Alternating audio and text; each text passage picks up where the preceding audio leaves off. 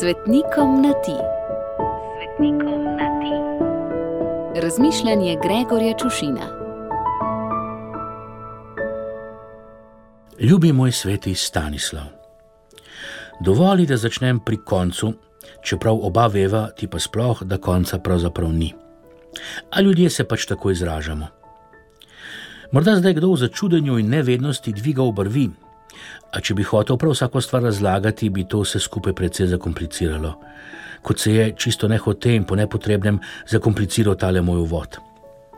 Hotel sem te le prositi za dovoljenje, da preskočiva vse preostale tvoje življenjepisne dogodke in se pogovoriva o zadnjem na seznamu, ki bi mu pravzaprav težko rekli, da je življenjepisni, ker je bolj in pravzaprav smrtopisni. Ti, ljubi moj sveti Stanislav, krakovski škof, si pričakoval, da bo Boleslav, polski kralj, svojim podanikom zgled svojim življenjem. Pa je bil vse kaj drugega, saj svojih strasti ni prav nič brzdal in je za ohranitev svojega položaja uporabljal vsa sredstva. Pred njim so v strahu za svoje življenje in imetje trepetali prav vsi, razen tebe, ki si mu upal v obraz očitati njegove napake in ga pozvati k pokori in sprobrnenju. In ker je svarilo ostalo brez učinka, si ga izobčil. Tiran je zaukazal tvoj umor, a nihče ni hotel biti krivičen rabel tvoji sveti glavi, zato se te je z mečem lotil kar sam. Tvoja mučeniška smrt je ljudi seveda navdala žalostjo, a tudi s pogumom, da so pregnali brezbožnika.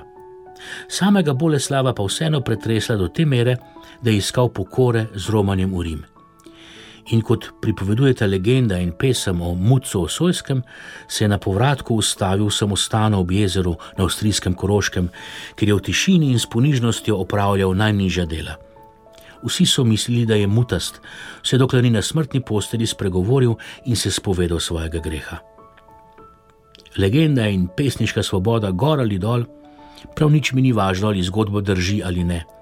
Pomembno se mi zdi dvoje: da je vsekakor možno in verjetno, da v moči božje ljubezni, pravičnosti in usmiljenja, rabel in žrtev sedita drug poleg drugega pri nebeški svatovski mizi in da nas grehi ohromijo, da nam zavežejo usta in iz nas napravijo mudce, da ne znamo in ne zmoremo pričevati za Boga in Evangelij.